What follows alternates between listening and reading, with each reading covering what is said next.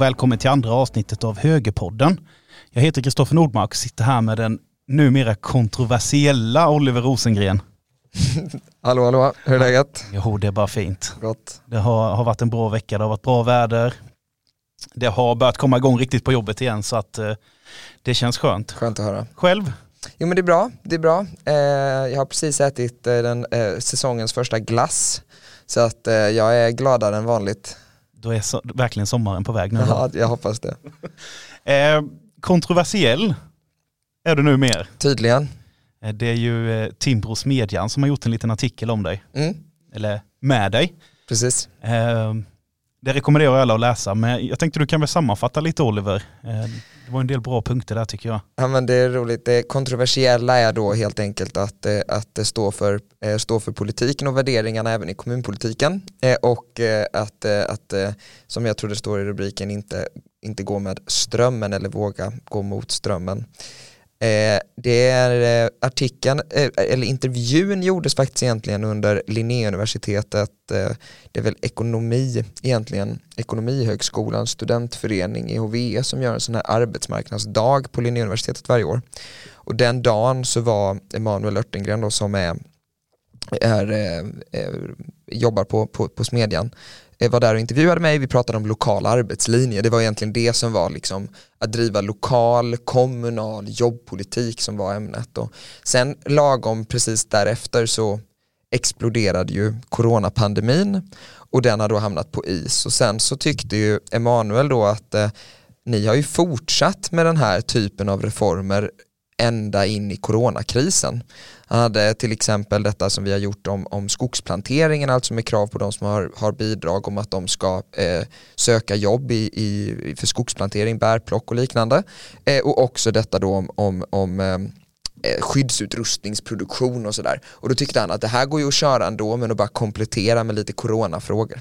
Och det, det passar ju väldigt bra in i lite som jag tänker här. Vi- Det, det har ju stått i, i, i, överallt i, i medierna egentligen att det är, det är många verksamheter som har det väldigt svårt nu. Man har svårt med, med personal, framförallt de som har personal från andra länder som brukar komma och jobba här. Det är bärplockning och det är just trädplantering och, och, och, och den biten, är även andra verksamheter. Vad, vad, vad ser du är problemet där? För vi har ju väldigt många människor här i vårt land som inte arbetar nu. Va- varför hittar de inte varandra tror du? Mm, men olika delar av den här matchningsproblematiken är ju inte bara ett matchningsproblem utan också ett bidragssystemsproblem. Alltså vi fastnar väldigt lätt i att det skulle vara då att ja, men vi har arbetskraft som har en kompetens och sen har vi jobb där det efterfrågas en annan kompetens Så lite högre upp på liksom jobb i jobbfördelningen så kan det ju vara så. Alltså kraven är för höga för den arbetslösheten som finns. Man ska komma ihåg att det till exempel i Kronobergs län rätt nyligen fanns tre personer med kort eh, utbildning per arbetstillfälle med motsvarande låga kompetenskrav. Och det är klart att det skapar en viss missmatchning. Men här pratar vi om jobb som är mycket enkla och som är liksom erkänt enkla som inte egentligen kräver särskilt mycket förkunskapskrav. Och i Växjös fall erbjuder vi oss till och med att sätta ihop snabbutbildningar för att kunna liksom lösa även om det behövs introduktionsutbildning till de här enkla jobben. Så det är inte riktigt ett matchningsproblem utan det är snarare ett bidragssystemsproblem. Du har alltså inte tillräckliga krav i regel på att du behöver ta de här jobben. Du har inte tillräckliga krav på att du måste flytta till de jobben som finns. Eh, och där finns det ju att göra. Det är helt enkelt eh, blir tenderar till att nästan bli en fråga om att kunna välja bort de här jobben. Och så kan vi ju inte ha det. Nej, verkligen. Eh, du menar alltså att eh, det är så om du, om du då har ett, möjlighet att få ett jobb och samtidigt gå på bidrag. Du menar alltså att om, om spannet är för litet däremellan så tar man inte alltid jobbet då? Mm. Och det är ju detta som är liksom hela drivkraftsidén egentligen att, att, eh, att om det inte lönar sig tillräckligt att arbeta eh, och det är ju inte bara kronor och ören utan också annat. Vårt argument för att ha till exempel heltidskrav på aktiviteter även om du är arbetslös och tar emot bidrag från kommunen i Växjö är ju att du ska alltså inte bli av med åtta timmar fritid när du skaffar ett jobb. Därför att fritid har också ett värde för individen. Så att när du har bidrag eller du har ett arbete så har du lika mycket eller lite fritid så att säga. Det är ju en viktig, en viktig poäng i varför vi har heltidskrav på aktivering. Eh, för att, för att eh, annars blir så att säga kostnaden av att skaffa sig ett jobb eller den, det förlorade värdet när du skaffar ett jobb blir för stor, riskerar att bli för stort. Om du dessutom har ett bidragssystem som vi har i Sverige som är konstaterat av forskare och utvärderingar i, i, i långa rader att det finns många sammanhang och situationer där det alltså kan inte löna sig eller till och med, eh, till och med förlora på att skaffa ett arbete. Eh, och i det ligger det ju grundläggande systemfel på svensk arbetsmarknad och i skatte och bidragssystemet. Det låter ju ganska, ganska logiskt det du säger när man, när man väl lyssnar på det. Men varför tror du att vänstern inte alltid håller med dig trots att du lägger fram det så som du gör nu och att du har både fakta och, och resultat i ryggen som, som visar att det fungerar? Huvudsak tror jag det handlar om att man låter sig styras av vissa andra saker. Man låter sig styras av vad som är bekvämt. Alltså det är klart att det är på kort sikt kan kännas tufft att säga till någon som är utan ett arbete att nu måste du gå upp på morgonen, gå till den här aktiviteten och varje dag söka jobb, försöka bli, eh, bli, bli, bli utvecklas och bli bättre på det du kan för att kunna ta ett jobb. Det är klart att på den korta sikten så kan man uppleva att det är en, en, en obekväm position att ta. Eh, men det här liksom bistra budskapet är ju det som långsiktigt är bäst. Och, och vi, är ju, vi orkar ju med att, att föra det resonemanget, att stå för de sakerna. Eh, därför att det är också det som är rätt, även om det då för att vara lite klyschig inte är lätt. Nej, precis. Nej, det, det, kan jag, det känner jag verkligen att jag, jag vill ju hellre ha en sån kompis att om, om jag har det svårt och tufft och är nere på botten, då vill jag ju hellre ha en kompis som hjälper mig att ta tag i det, att nu, nu får du allt resa dig upp här och ta tag i de här problemen än att ha en, en kompis som, som bara sätter sig bredvid den och säger att ja, nej men nu sitter vi här och, och så är allt skit. Mm. Ja, men, och, och, det är klart att man, man i, sin, i sin svåra situation kan, kan må, må bra av en, av en stunds liksom sympati och omtanke och det ska man ju få. Vi tror ju att det här kravställandet i grunden handlar om att vi bryr oss.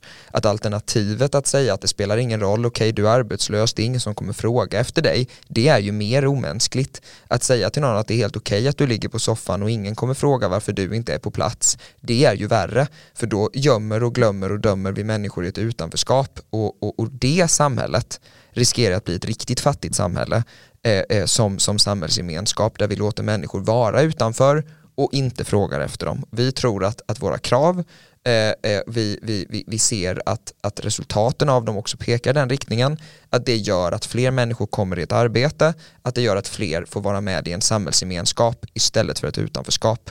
Och det är en, en, en korrekt prioritering, eh, men det är också värderingsmässigt rätt. Jättebra. Jag rekommenderar alla att läsa artikeln som de har skrivit om Oliver här. Det är bara att söka på Oliver på sociala medier eller, eller på, på Smedjan så, så hittar ni den. Eh, om vi ska gå vidare lite här. Jag har ett ämne som jag blev nyfiken att prata lite om här. Precis innan vi gick in här så, så fick jag en, en pushnotis om att Kina nu köper upp delar av det krisande Norwegian. Mm. Eh, ut, utan att gå in för, för mycket på, på just Norwegian så eh, vill jag bara lyfta den här. Det, det är ju rätt fantastiskt hur, hur, hur, kineserna är på tårna redan. Mm. Alltså det är ju eh, djupt provocerande såklart. Eh, och det är också Alltså det, det, är, det, är, det är dåligt för ekonomin, det är dåligt för, för, för liksom, eh, relation, internationella relationer att bete sig på det här sättet. Alltså, Eh, först så, så, så, så att säga drabbar eh, Kina hela världen med liksom Kina-viruset och den här pandemin eh, och, och, och, slår ut, liksom sätter hela samhällen i karantän och sen lagom till att man då sitter liksom med, med arbetslöshet och, och krisande ekonomier och krisande företag så går man då in från staten, den kinesiska staten och köper av de här krisande företagen som då är i kris till följd av Kina-viruset. Det är ju, det, det är ju eh, ja, skrämmande. Då skulle jag ju kunna ställa frågan här, du är ju marknadsliberal. Är det inte helt okej okay att man gör så här då? Är det inte det här samhället du vill ha? Nej men det är den kinesiska staten som gör detta köpet så det är ju liksom inte marknadsliberalism eller marknadsekonomi utan det här är ju stats interventionism snarare, alltså kinesiska staten som har en offensiv aggressiv investeringsstrategi som de för i Afrika, som de för i flera delar av världen där de liksom går in med kapital för att, för att som stat vinna utrymme. Eh, det är något helt annat än, eh, än om exempelvis ett helt fristående, vilket det väl knappt finns, höll jag på att säga, men liksom ett helt fristående kinesiskt bolag skulle gå in och, och investera i ett, i, ett, i ett bolag i ett annat land. Eh, här handlar det om kinesiska staten och det är en annan sak. Det är ju en väldigt svår fråga. Jag, jag har inte sett någon som har kommit med några idéer på hur man skulle lösa detta. Det, riktigt svårt. Men... Nej, nu finns det ju en, nu finns det utredningar, det finns, det finns liksom initiativ för att se vad man kan göra för att, för att liksom förhindra att detta blir en, en, inte bara en aggressiv strategi utan också en verklighet här i Sverige och, och, och, det är nog viktigt att man vänder och vrider på och landar i något som är balanserat som inte liksom begränsar fri handel och så vidare eh, men, men som ändå hindrar eh, stora statsinterventioner i krisande företag som är i kris till följd av Kina-viruset. Ja, precis. Jag, jag, jag, tror också att det är viktigt att man inom EU kan hitta något, något, något samarbete här för att få ja, lite tyngre. Gemensam hållning. Man, man har, vi, har ju, vi har ju han på, på andra sidan havet, Donald Trump. Alltså han, just nu är han ju Kina-kritisk men eh, jag har ju känslan av att eh, om han bara får till ett bra avtal mellan, mellan amerikanerna och, och, och Kina så kommer han nog inte vara så Kina-kritisk längre. Nej, det verkar ju kunna svänga ganska så mycket. ja, precis. Eh, ja, vi får väl se vad som, hur detta artar sig. Ja, verkligen. verkligen. Eh, om vi ska gå vidare till, till vårt huvudämne idag. Mm. En liten crash course i högerpartiernas migrationspolitik. Eh, ja, vi, vi, har så vanligt inte förberett oss så mycket här. Men eh, jag, jag har en bra fråga som jag tänkte vi ska starta med. Vi får ju mycket kritik eh, för migrationspolitiken som vi drev under alliansåren. Mm. Eh, från, från högerhåll då. Vad, vad skulle du säga är, är den stora skillnaden på högerpartiernas migrationspolitik nu i jämförelse med vad vi, vi drev under alliansåren? I huvudsak verkligheten skulle jag säga. Eh, Joakim Ruist som är en av Sveriges mest ansedda nationalekonomer inom det här fältet, alltså migrationsekonomiska fältet, det finns väl några stycken som är i hans, i hans kaliber. Han var i en, i en eh, eh intervju i Kvartal för det är säkert ett par år sedan. Och där får han en liknande fråga. Han svarar ju ungefär att eh, alltså den stora migrationskrisen kom ju inte under alliansåren. De nivåerna som migrationen var på under, under huvuddelen av alliansåren var ju egentligen inte ett samhällsproblem. Och det tycker jag är en viktig sak att ta med sig att, att, att eh, det var ju inte förrän på slutet av alliansens åtta regeringsår som vi fick liksom en, en mer betydande samhällspåverkan av den höga migrationen. Eh, och därefter gäller det ju att ha liksom en pragmatisk inställning om man lite övergripande ska svara på vad jag tror man gjorde fel. Eh, så är det ju, och, och, och, det har jag, har jag liksom själv varit fast i, att på alla andra politikområden så väger man en rad olika restriktioner. Man har sina värderingar, i mitt fall är ju när det gäller migrationen värderingen att jag tror på en öppen värld, att jag tror på fri rörlighet. Det är liksom min värdering. Men sen har man ju andra restriktioner, man har en budget som man ska förhålla sig till, man har internationella regler, avtal den typen av begränsningar. Man har en folkopinion, alltså legitimitet, demokratisk förankring och legitimitet. Och alla de här sakerna måste man ju balansera. Men just på det migrationspolitiska området så får jag i efterhand känslan av att man lät ensidigt värderingarna styra och så gör man inte på något annat område. Och det är det största misstaget. Alltså att, och, och jag, sär, varför faller den skulden då särskilt på Moderaterna? Jag tror att det var för att man, det, var, det, var, det blev så olikt Nya Moderaterna. Så Nya Moderaternas hela projekt var att inte låta sig styras enbart av värderingar utan ha en värderingsgrund och sen en verklighetsbaserad politik. Men på just detta området så blev man istället dogmatiska gamla moderaterna. Eh, och det är ju märkligt. Eh, och, och, och, det dömde väljarna. Istället för att se att, att istället för att som, som nya moderaterna tillämpa det nya även i synen på migrationspolitiken.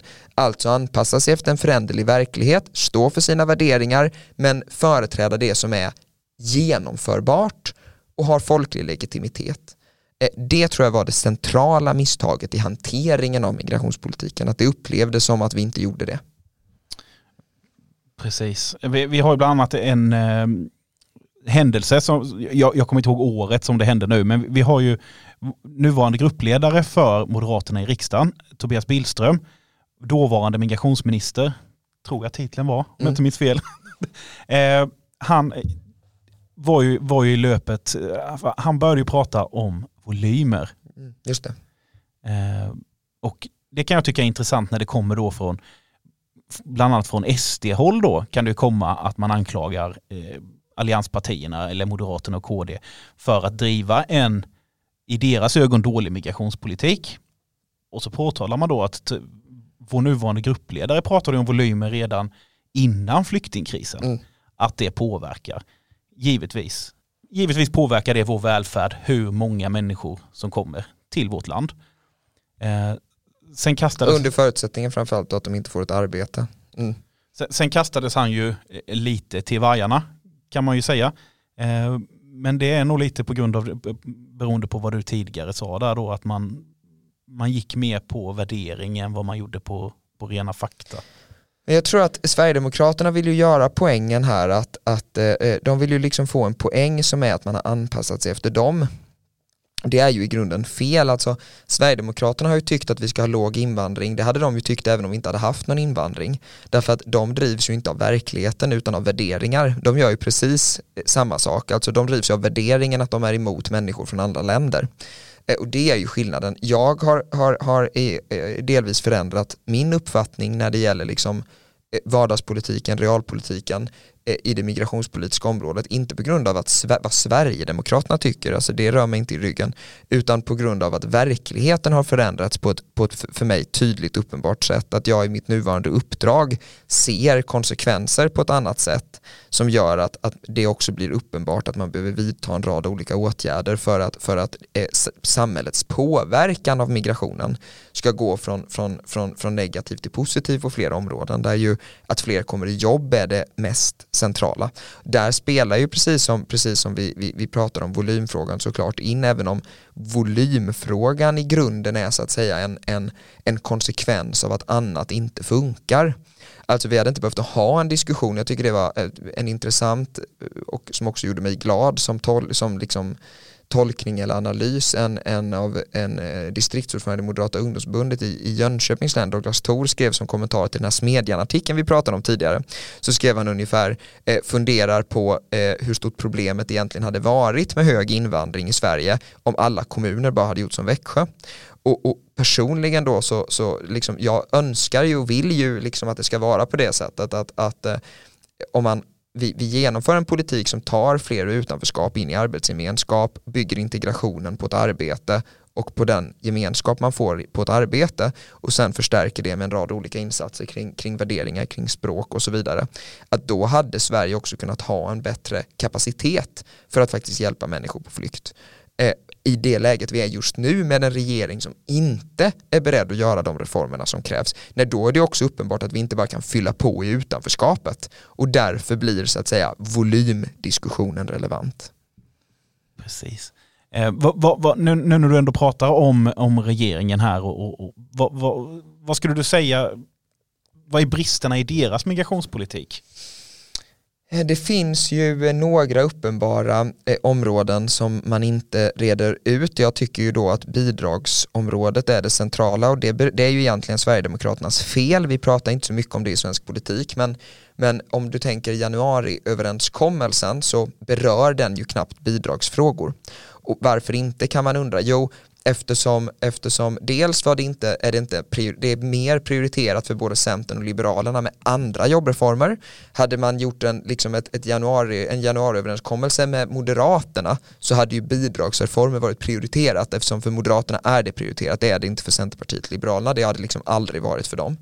Eh, Socialdemokraterna har ju inget intresse av detta. Det var de vet ju att de har majoritet i riksdagen med Sverigedemokraterna för att inte förändra bidragspolitiken i restriktiv riktning eftersom Sverigedemokraterna är bidragskramare. Och, och det är ju detta som gör att liksom, varför behövde inte Sverige, Socialdemokraterna, förlåt, varför behövde inte Socialdemokraterna skjuta in skrivningar om bidragspolitiken i januariöverenskommelsen? Jo det är ju eftersom de vet att de har stöd av Sverigedemokraterna, eller rättare sagt att vi inte kan göra de reformerna med stöd av Sverigedemokraterna. Så de behövde inte offra något i en förhandling med Centerpartiet och Liberalerna därför att de har Sverigedemokraterna som ett tyst stöd som de vet att de har utan att behöva fråga. Och det hjälper ju Socialdemokraterna i bidragsfrågan, att de har stöd även av Sverigedemokraterna i att ha ett bidragssystem som håller människor utanför arbetsmarknaden. Eh, och, och, och, liksom ska, man, ska man bygga lite mer på, på vad det då är som behöver göras så handlar det ju ändå i grunden om att man behöver titta på, på, på, eh, på bidragstak, man behöver titta på kraven man ställer på de som tar emot bidrag så att man i alla lägen behöver göra en motprestation. Eh, vi behöver säkerställa att, att vi har bidrag som är utformade på ett sådant sätt att det lönar sig att arbeta. Där är taket bara en del, det finns andra saker man behöver göra. Vi behöver ha mer av kvalifikation in i bidragssystemen. Eh, det är några av de exempel som finns, men för kommunerna väntar ju en bidragsboom om man inte gör reformer. Därför att Eh, vi kommer ur en tid där sjukförsäkringarna har varit det stora bidragsklustret liksom, men går ju mot att det är kommunernas socialbidrag eller ekonomiskt bistånd som står för, för, för den stora ökningen och det är ju en förändring som framförallt då drivs av att de som nu är i utanförskap inte har kvalificerat in sig i bidragssystem för att de är nya i Sverige eller unga utan gymnasieutbildning. Där ligger en stor del av, av, av problematiken då som också gör att kommunerna behöver vara mer offensiva på reformsidan. En annan sak eh, som också lär drabba kommunerna här sen är ju den här gymnasielagen tänker jag. Mm. Ja, eh, Löfven-amnestin eh, är ju, är ju ett, ett, ett historiskt misstag att liksom lägga en tillfällig lag på en tillfällig lag som försvårar eh, eh, situationen, som också gör att beskeden blir mer otydliga, som gynnar och, och, och så att säga uppmuntrar till att man ska göra det man inte ska. Eh, det är ju nästan att jämföra med att Socialdemokraterna i bland annat Malmö eh, har bestämt sig för att betala bidrag till personer som upprätthåller sig illegalt i landet. Det är liksom samma logik, alltså vi ska ha ett samhällssystem som uppmuntrar och i detta fallet då dessutom finansierar felaktigheter och, och ett beteende som är emot reglerna. Eh, och på samma sätt är det ju med gymnasielagen. Gymnasielagen är ju en, en, en förmån för personer som inte har följt sina utvisningsbeslut. Och det är ju märkligt att man utformar regler som ska gynna personer som inte följer regler. Jag tycker det är fantastiskt. Centerpartiet har ju nu, är det någon vecka sedan, de har bjudit in till att styra upp de här problemen nu. Det mm. tycker jag ju är smått roligt eftersom de var längst fram för att dra igenom det här Precis. när det begav sig. Precis, man får väl hoppas att de kan få någon slags förlåtelse för det eh, om de då är beredda att göra om det. Problemet är att nu börjar det ju däremot vara på det sättet att en del av de argumenten som man då förde plötsligt börjar bli något legitima. Alltså ska man nu säga åt de här ungdomarna som har varit här i flera år till att, att eh, nej ni måste nu lämna alltså plötsligt så börjar ju argumenten man förde för flera år sedan vinna de, desto mer legitimitet. Och det är ju också ett problem. Eh, och det, det förklarar ju ännu mer varför man inte skulle gjort det här från början. Precis. Eh, någonting som jag också skulle vilja höra din åsikt om är ju de här bevingade öppna era hjärtan som Fredrik Reinfeldt eh, yppade. Mm. Jag, jag, kommer inte ihåg om det var på jo, i ett, sist... i ett eh, sommartal. Mm. Så var det ja. Mm. Eh, och det skrevs väl av, eh, hon är väl numera, eh, hon lämnade partiet, var talskrivaren, vad heter hon? Eh, ja, han skrev ju rätt mycket på sina tal själv också så att han var, jag kommer inte ihåg exakt vad det, är det står i hans bok om det men och, och om den där formuleringen var skriven eller om det var liksom stundens inlevelse, jag minns faktiskt inte det riktigt men, men det är ju en av de mer eh, tolkade formuleringarna i, i åtminstone modern svensk politisk historia. Man ska komma ihåg i kontexten för det där uttalandet att bara dagar tidigare hade ju Anders Borg och Carl Bildt hållit en presskonferens där de hade pratat om migrationens kostnader, eh, erkänt en rad olika eh, liksom migrationspolitiska överväganden som man behöver göra framöver. Och jag anar, tycker jag, början på liksom en omprövning av den här som jag tidigare beskrev då liksom gammelmoderata stilen. Att, att liksom vi har våra värderingar, vi håller dem, vi bryr oss inte om verkligheten så på det sättet.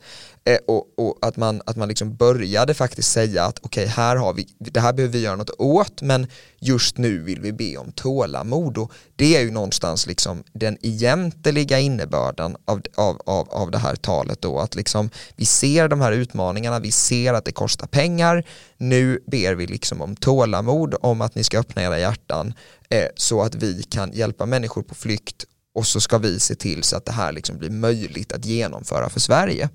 Eh, men tolkningen har ju då istället varit att liksom, eh, eh, det här får kosta vad det vill, det ska komma så många som det vill och vi tänker liksom passivt bara låta detta ske. Eh, och innan man då blir för mycket den vita riddaren här nu som ska försvara detta så ska man ju samtidigt då faktiskt ge en kritik därför att kommunikation är ju på mottagarens villkor och att så många missuppfattade det är ju ett, ett, ett dåligt betyg till budskapet eller talet eller framställandet eller vad man ska säga. Men att det används liksom för att nästan misskreditera hela Fredrik Reinfeldts gärning som statsminister som en av de mer framgångsrika statsministrarna i svensk historia och särskilt då eh, för, för, för liksom högerorienterade partiet höger och mitten eh, den, den mest framgångsrika ledaren i modern tid för partiet höger och mitten i Sverige eh, det är ju bara oseriöst. Ja, det var lite det jag ville komma till. Jag, jag, kan ju också, det här är ju ett jättebra exempel på hur snabbt människor glömmer, känner jag med. För att överhuvudtaget påstå att Fredrik Reinfeldt när han höll detta talet skulle veta att miljoners människor skulle strömma in i Europa från kriget Syrien några månader senare. Mm. Det, det, när man verkligen tittar tillbaka så är det ju helt banalt.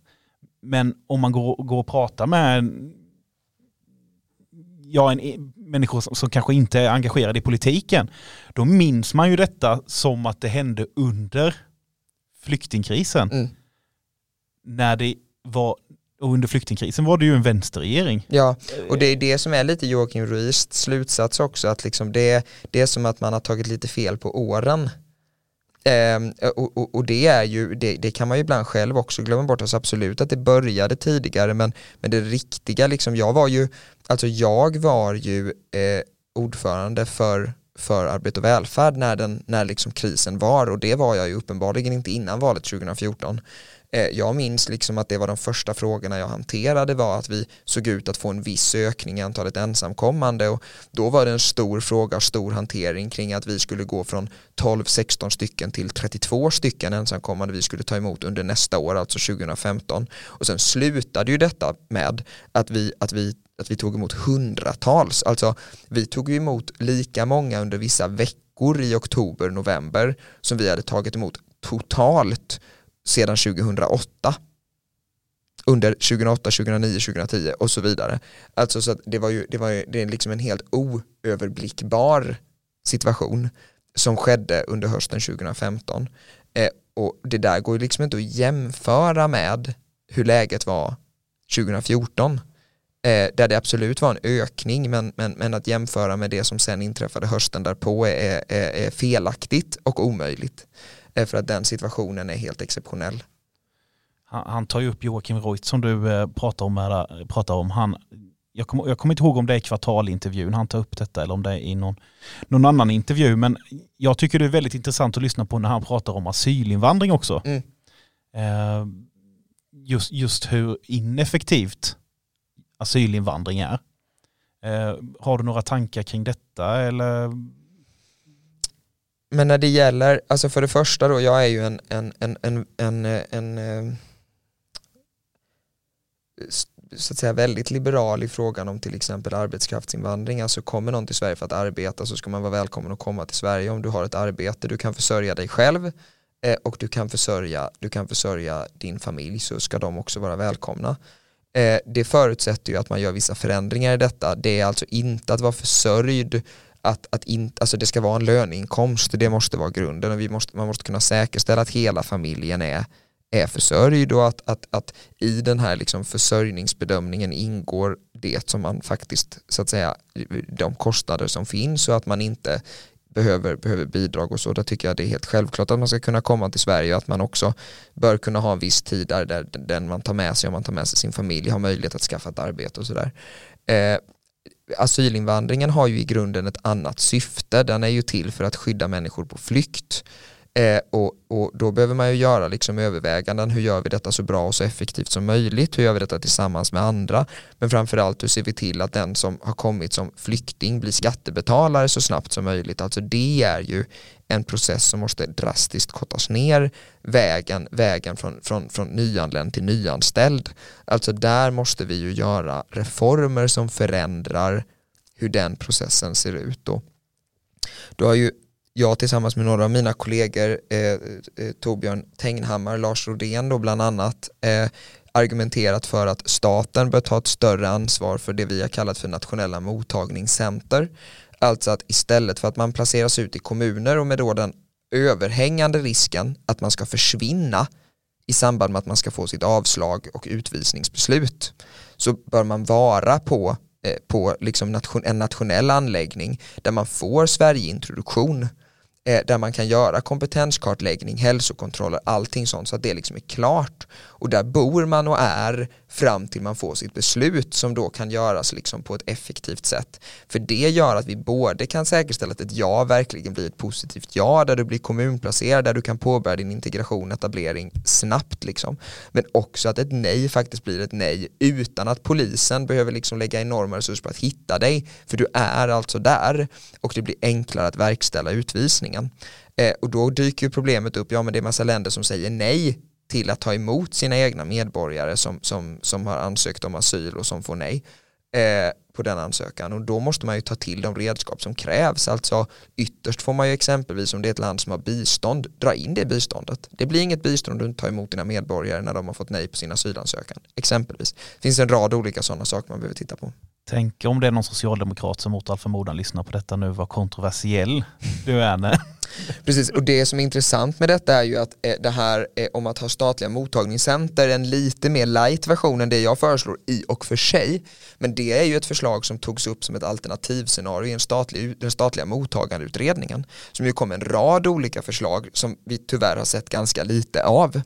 Eh, eh, I en diskussion om den utredningen i Almedalen för några år sedan var det ju dessutom som den här ganska omfattande diskussionen som det sen blev, det var ju 2018, eh, om, om tolkavgifter dök upp. För jag kommer ihåg att jag nämnde det i det här panelsamtalet och Eh, Jamme då, kommunstyrelsens ordförande i Malmö, tyckte väl inte kanske att det var ett superskärmigt förslag eh, och det snappade ju vår lokalmedia upp som var med i publiken. Men det är ju ytterligare en sån där åtgärd som skulle minska kostnaderna för invandringen och för att återbygga och återvinna legitimitet för invandring så är ett av de viktigaste politiska målen som man bör sätta upp är ju att minska kostnaderna för att människor är ju alltså kritiska till att de ser att invandringen kostar pengar därför att det är ju uppenbart att i ett samhälle då som, som, som så att säga har en begränsad mängd resurser som alla samhällen har så är ju en större kostnad, ja mindre kostnad någon annanstans. Så att vi måste minska kostnaderna för invandringen så att vi kan prioritera de pengarna på ett annat sätt. Jag tycker det blir intressant med hela sammanfattningen som du har gjort här egentligen kan ju kan jag koka ner till att arbetslinjen ska gälla hela vägen, mm. även vad gäller migrationspolitik. Ja, har man arbetslinjen som ideologi så kommer man väldigt långt. Jag brukar säga detta och det är verkligen så. Det funkar alltid. Gäller även i migrationspolitiken. Då, då tycker jag det blir väldigt intressant när man lyssnar på egentligen alla från vänsterhåll, vänsterparti, fack, socialdemokrater. Man är ju ständigt emot eh, eh, arbetskraftsinvandring. Mm. Det är ju för mig helt oförståeligt. Ja men det är ju för att man saknar grundläggande liksom förståelse för, för, för, för marknadsekonomi och för liksom hur en marknad fungerar och tror ju att det finns ett fixerat antal arbeten och tar någon utifrån det arbetet då finns inte det arbetet för någon inifrån då så att säga och det är det som är, är grund, grundproblemet. Eh, medan det ju i själva verket såklart är på det sättet att en bättre matchning till det arbetet skapar en tillväxt som ser till att det blir fler jobb och en växande ekonomi. Och, och på det sättet därför är det ju inte liksom ett nollsummespel med fixerade ett fixerat antal arbetstillfällen som ska fördelas utan det sker ju också tillväxt av arbetstillfällen.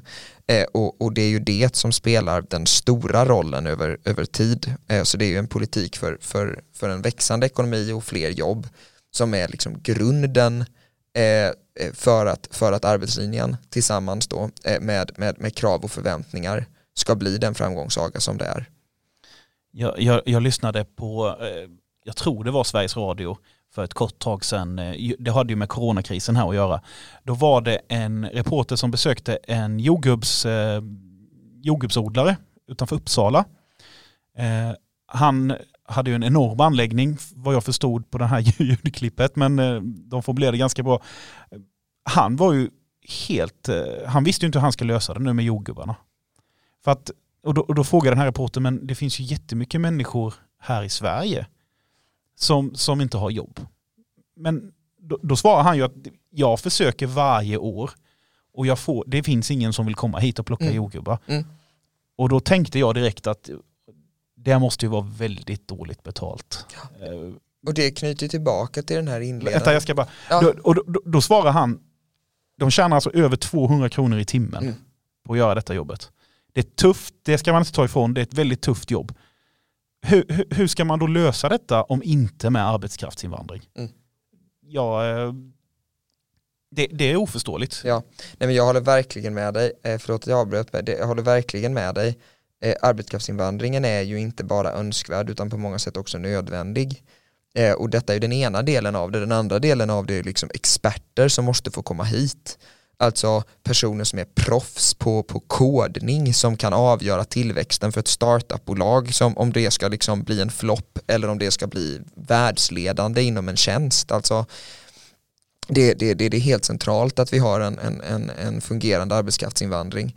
Eh, i det läget vi är nu där det liksom knappt kan fungera till följd av, till följd av coronapandemin då blir det ju särskilt viktigt att vi har en situation där, där, där, för den som är utan arbete och lever på andras inkomster genom bidragssystemen så finns inte valet att säga nej till, till jordgubbsplockningen. Eh, det ska inte vara möjligt att kunna säga att nej tack, jag tar hellre min inkomst från andra människors inkomst än plocka jordgubbar. Nej, det, det låter ju sunt. Ja, men vi försöker ändå hålla på det sunda förnuftet sunt, i den här podden, ja, visst är det så? Det var ja. min, min, min första tanke. Eh, om, om vi stannar kvar lite hos de här, till det här vad gäller expertkompetenser. Hur ser man från högerhåll på, eh, på den krångliga, jag vet inte hur jag ska uttrycka det, det, det är krånglig lagstiftning, det är krångliga regler. Man kan ju varje år läsa om människor som, som kommer från Rumänien, icke-EU-länder oftast då, men Bulgarien, EU-land förresten va? Strunt, strunt samma. Ja. Eh, jag, jag kommer bara ihåg att det var något Östeuropaland som, som inte är med i nu. Men, men det kan vara från andra länder, det kan vara mm. från Kina eller Sydamerika. Eh, där man kommer hit, man har skött sitt jobb, man kanske har arbetat under en lång tid. Och sen har kanske arbetsgivaren betalat ut fel lön eller någonting inte stämmer.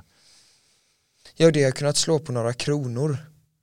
Och då behöver både man själv och hela ens familj lämna landet för, för, en annan som, som bara läser det här då inte det, det, det är helt oförståeligt. Ja. Vad, vad beror det på? Vad...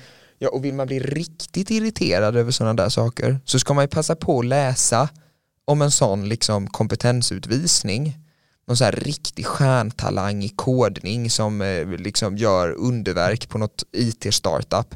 Ska man läsa en sån artikel samma dag som man läser någon artikel om någon person som har liksom våldtagit tre personer och sen inte kan utvisas på grund av någon liksom bestämmelse trots att den igen, personen egentligen skulle utvisas eller, eller den, här, den här människan som, som kastade brandbomber på synagogan i Göteborg och som först i liksom de lägre instanserna var så här, nej tyvärr det går inte att genomföra en utvisning fram till högsta domstolen då till slut sa det går visst.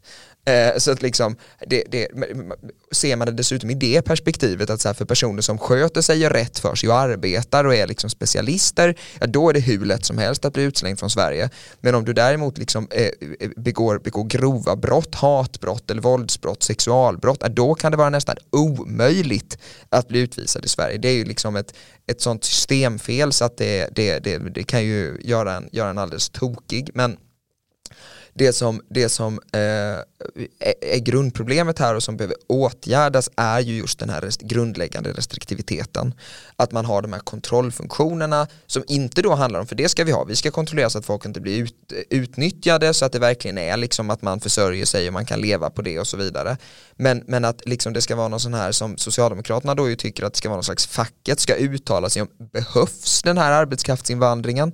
Alltså alla de här sakerna det är ju, det är ju, det är ju mycket, mycket mycket skadligt för att få en fungerande, dynamisk, eh, eh, fri arbetsmarknad. Så att eh, det, behöver, det behöver liberaliseras. Eh, på kort sikt så, så har, bland annat, har bland annat riksdagsledamoten Niklas Wykman föreslagit att vi ska ha liksom som en amnesti så att alla de här personerna som är på väg att, att utvisas ska helt enkelt stoppas utvisningen tills dess att riksdagen har kunnat fatta beslut om ny, mer liberal lagstiftning som ser till att de här riskerna försvinner. Det låter riktigt bra. Vi eh, det får kan hoppas att det kommer. Ja, det kan ju verkligen göra skillnad. Mm. Eh, och det här som du sa om facket känns ju helt att det, att en rest från forntiden. Nej, ja, bara, ja, men, nej, men att, man, att man ska få, få vara med och bestämma. Ha någon kommitté då som ska säga behöver det här företaget den här kompetensen verkligen? Nej, det... Otroligt. Är det någon riksdagsledamot som lyssnar på detta nu så eh, vi vill att ni ändrar det. exakt, exakt. Eh, ja, något mer som du, du funderar över vad gäller migration? Vi har ju, vi har ju bara nuddat lite på toppen här. Vi mm. kommer ju komma tillbaka och prata arbetslinje och integration och, och bidrag. Och, men vi har försökt koka ihop det lite eh, i alla fall. Mm. Ja, men en sak man väl kan säga avslutningsvis bara för vi nämnde EU och lite sådär det är ju att man har ju länge haft liksom en idé om att man ska skjuta upp detta för att reda ut det EU-gemensamt. Jag har mycket, mycket begränsat förtroende för att det ska gå. Och därför måste Sverige formulera en egen migrationspolitik där man också tänker kring mottagande för att mottagandefrågan har liksom lagts i lådan lite med hänvisning till att nej men vi vill helst ha ett EU-gemensamt mottagningssystem och sen ska det liksom kvotas ut asylsökande över alla länder. Alltså det där blir inte verklighet. Eh, eh, inte åtminstone under överskådlig tid. Så att Sverige behöver tänka även kring mottagande. Det var därför vi kom med de här förslagen om statligt mottagandecenter, om liksom Sverigeintroduktion på mottagandecentret, om att man inte ska kommunplacera förrän man har beslut om uppehållstillstånd och de som får nej på uppehållstillstånd ska, ska effektivt kunna, kunna, kunna verkställas utvisning och så vidare och så vidare eh, att man behöver pressa ner kostnaderna som vi var inne på liksom kring med tolkavgifter och den typen av, av, av, av insatser så att man verkligen får ner kostnaderna. Det är väldigt relevant. Ska legitimiteten för mottagandet återupprättas som den behöver långsiktigt liksom för att Sverige, Sverige ska vara liksom ett, ett, ett värderingsmässigt bra land som, som där människor liksom inte, inte tittar snett på varandra eh, så, så, så behöver vi återuppbygga förtroendet för, för att ha ett flyktingmottagande Eh, sen så ska vi se till så att det är på, på en nivå som är rimlig och rätt. Och det är ju det liksom misstaget vi inte får, får göra om att, att, att bara styras av värderingen. Men, men eh, då behöver man ju titta på hela kostnadssidan. Man behöver se till att arbetande människor inte upplever eh, att, att eh, eh det finns liksom eh, gräddfiler för personer som kommer hit från andra länder och vi behöver se till en mycket, mycket viktig sak som är för de som kommer hit skull. Alltså människor flyr ju hit och inte dit.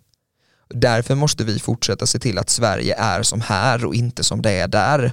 För annars kommer vi svika de människor som har flytt genom hela världen för att de längtar efter vår frihet. Men också de som har levt i Sverige hela sitt liv och kallar Sverige sitt för att de har varit med och byggt det här landet över lång tid. Så att vi har liksom ett dubbelt ansvar att se till att Sverige fortsätter vara Sverige eh, värderingsmässigt och, och, och så vidare. Eh, både för de som har flytts skull och för de som har byggt Sveriges skull.